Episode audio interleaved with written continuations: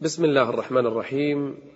أيها الإخوة والأخوات السلام عليكم ورحمة الله وبركاته. أهلا وسهلا بكم من جديد في حلقة من برنامج شخصيات وعبر.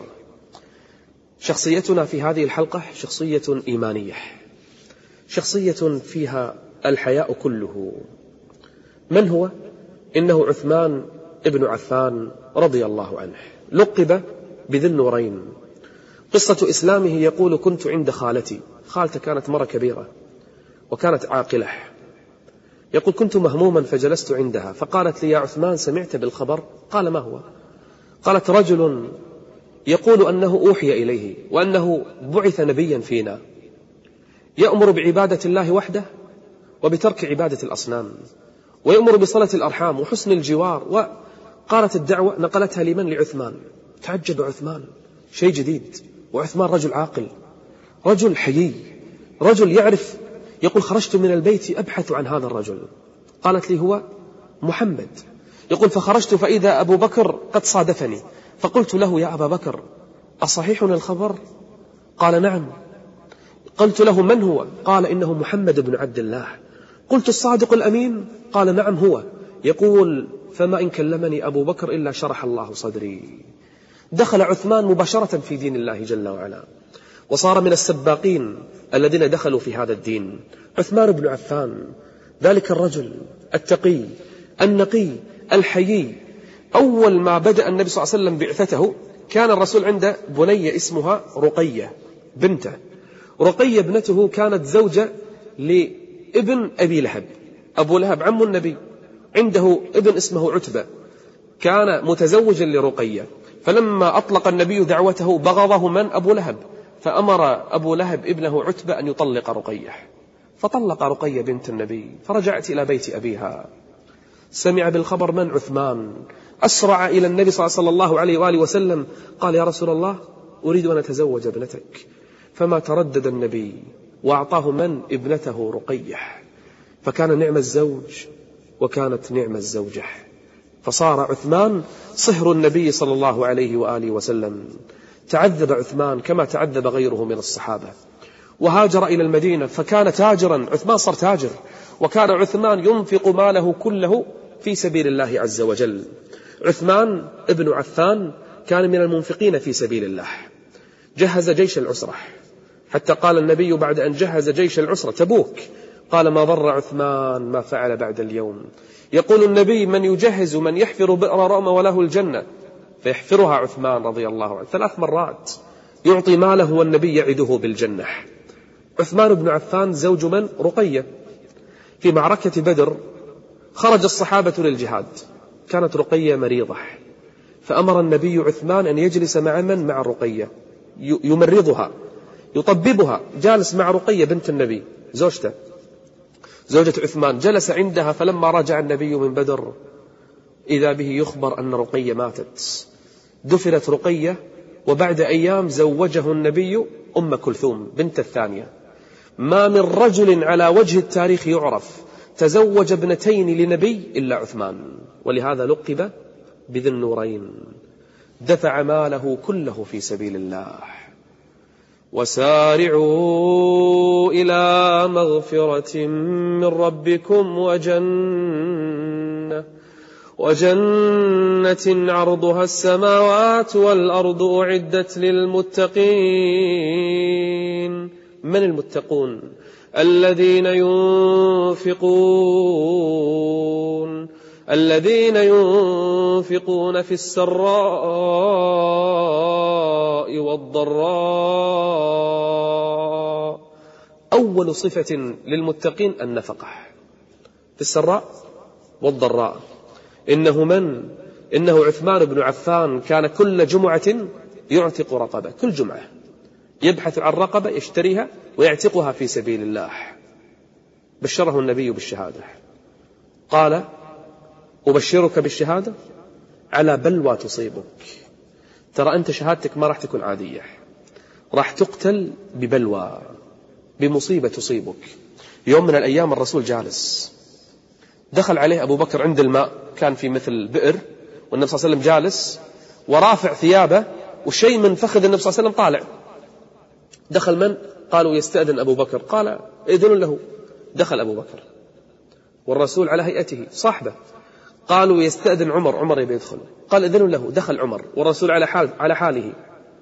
ثم استأذن الثالث. قال من؟ قالوا عثمان ابن عفان. قالوا إذنوا له فنزل النبي صلى الله عليه وسلم ثوبه. أبو بكر استغرب. ليش؟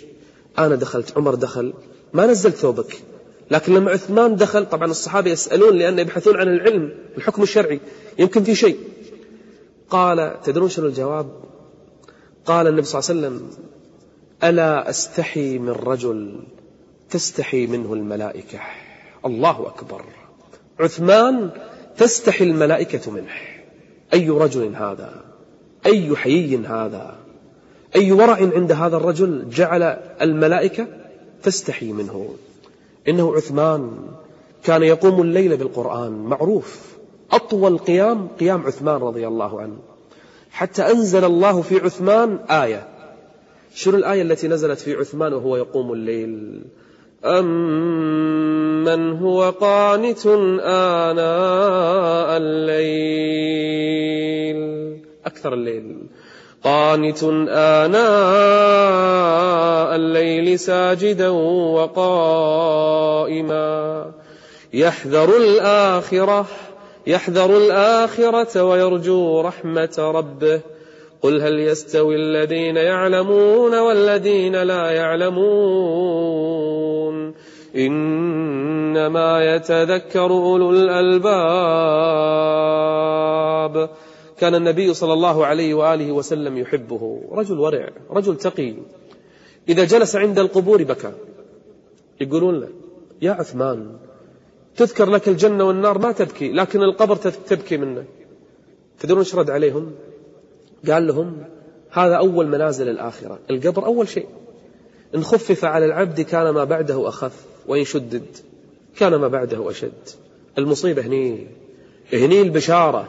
إما بالجنة وإما بالنار. ولهذا كلما ذكر له الموت بكى.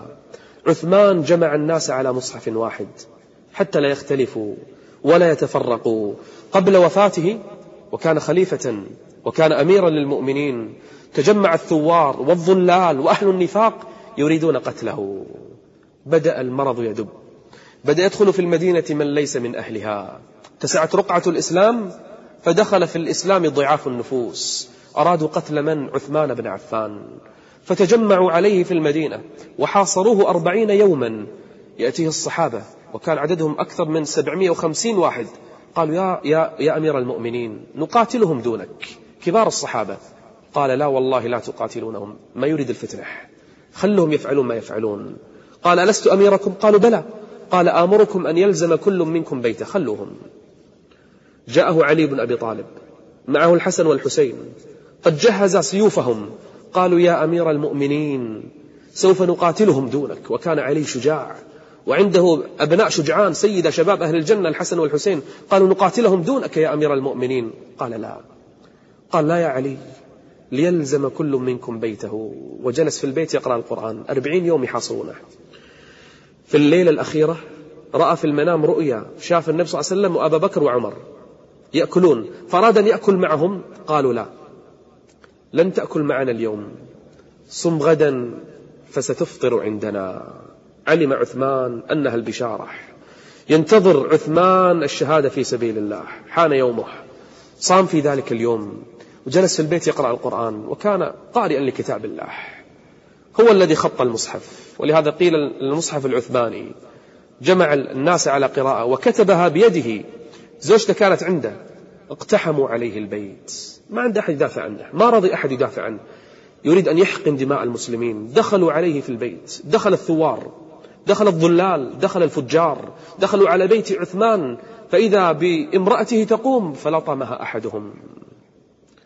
فسقطت. قال عثمان ويحك قطع الله يديك ورجليك وأعمى بصرك وأدخلك النار. يقول الرجل فأخذتني رجفة رعدة. يقول فهربت. هذا الرجل شافوه في الشام أخذ عمره. شاف واحد من التابعين شاف أعمى مقطوع اليدين والرجلين على الأرض ملقى قال ما لك قال أصابتني دعوة عثمان. أصابتني دعوة عثمان. دخل الثوار وإذا بأحدهم يمسك عثمان من لحيته ويرفع الخنجر الخنجر ويطعنه تسع مرات. تسع مرات والدم يسيل على كتاب الله وعلى قول الله عز وجل يسيل الدم على قول الله فسيكفيكهم الله. فسيكفيكهم الله وهو السميع العليم. قال الرجل وهو يطعن عثمان قال أما ثلاث لله أما ست فلشيء في صدري وكذب وربي. كذب والله. كلها ليست لله عز وجل. قتل عثمان بكى عليه الناس. بكى الصحابة. قتل قائم الليل. قتل جامع القرآن. قتل المنفق بماله. قتل ذا النورين زوج ابنتين لرسول الله. قتل الحيي الذي تستحي منه الملائكة.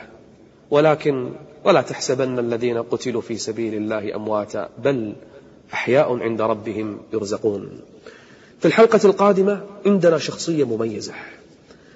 شخصية رجل من آل بيت رسول الله من الخلفاء الراشدين إنه التقي إنه النقي. لم يشهد لأحد من الصحابة أن الله يحبه إلا له. شهادة من الرسول أنك الله يحبك. من هذا الرجل الفدائي الذي افتدى نفسه لرسول الله في الهجرة فنام في فراشه؟ قصصه عجيبة حكاياته عظيمة. هذا الرجل هو موعدنا في الشخصية القادمة في الحلقة القادمة.